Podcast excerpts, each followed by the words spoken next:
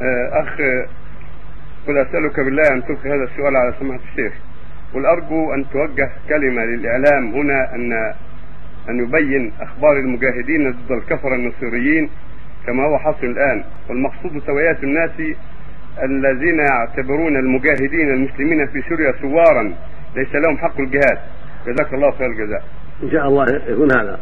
قد صار بعض ذلك ويكون البقية إن شاء الله. ما يتعلق بالمجاهدين في سوريا.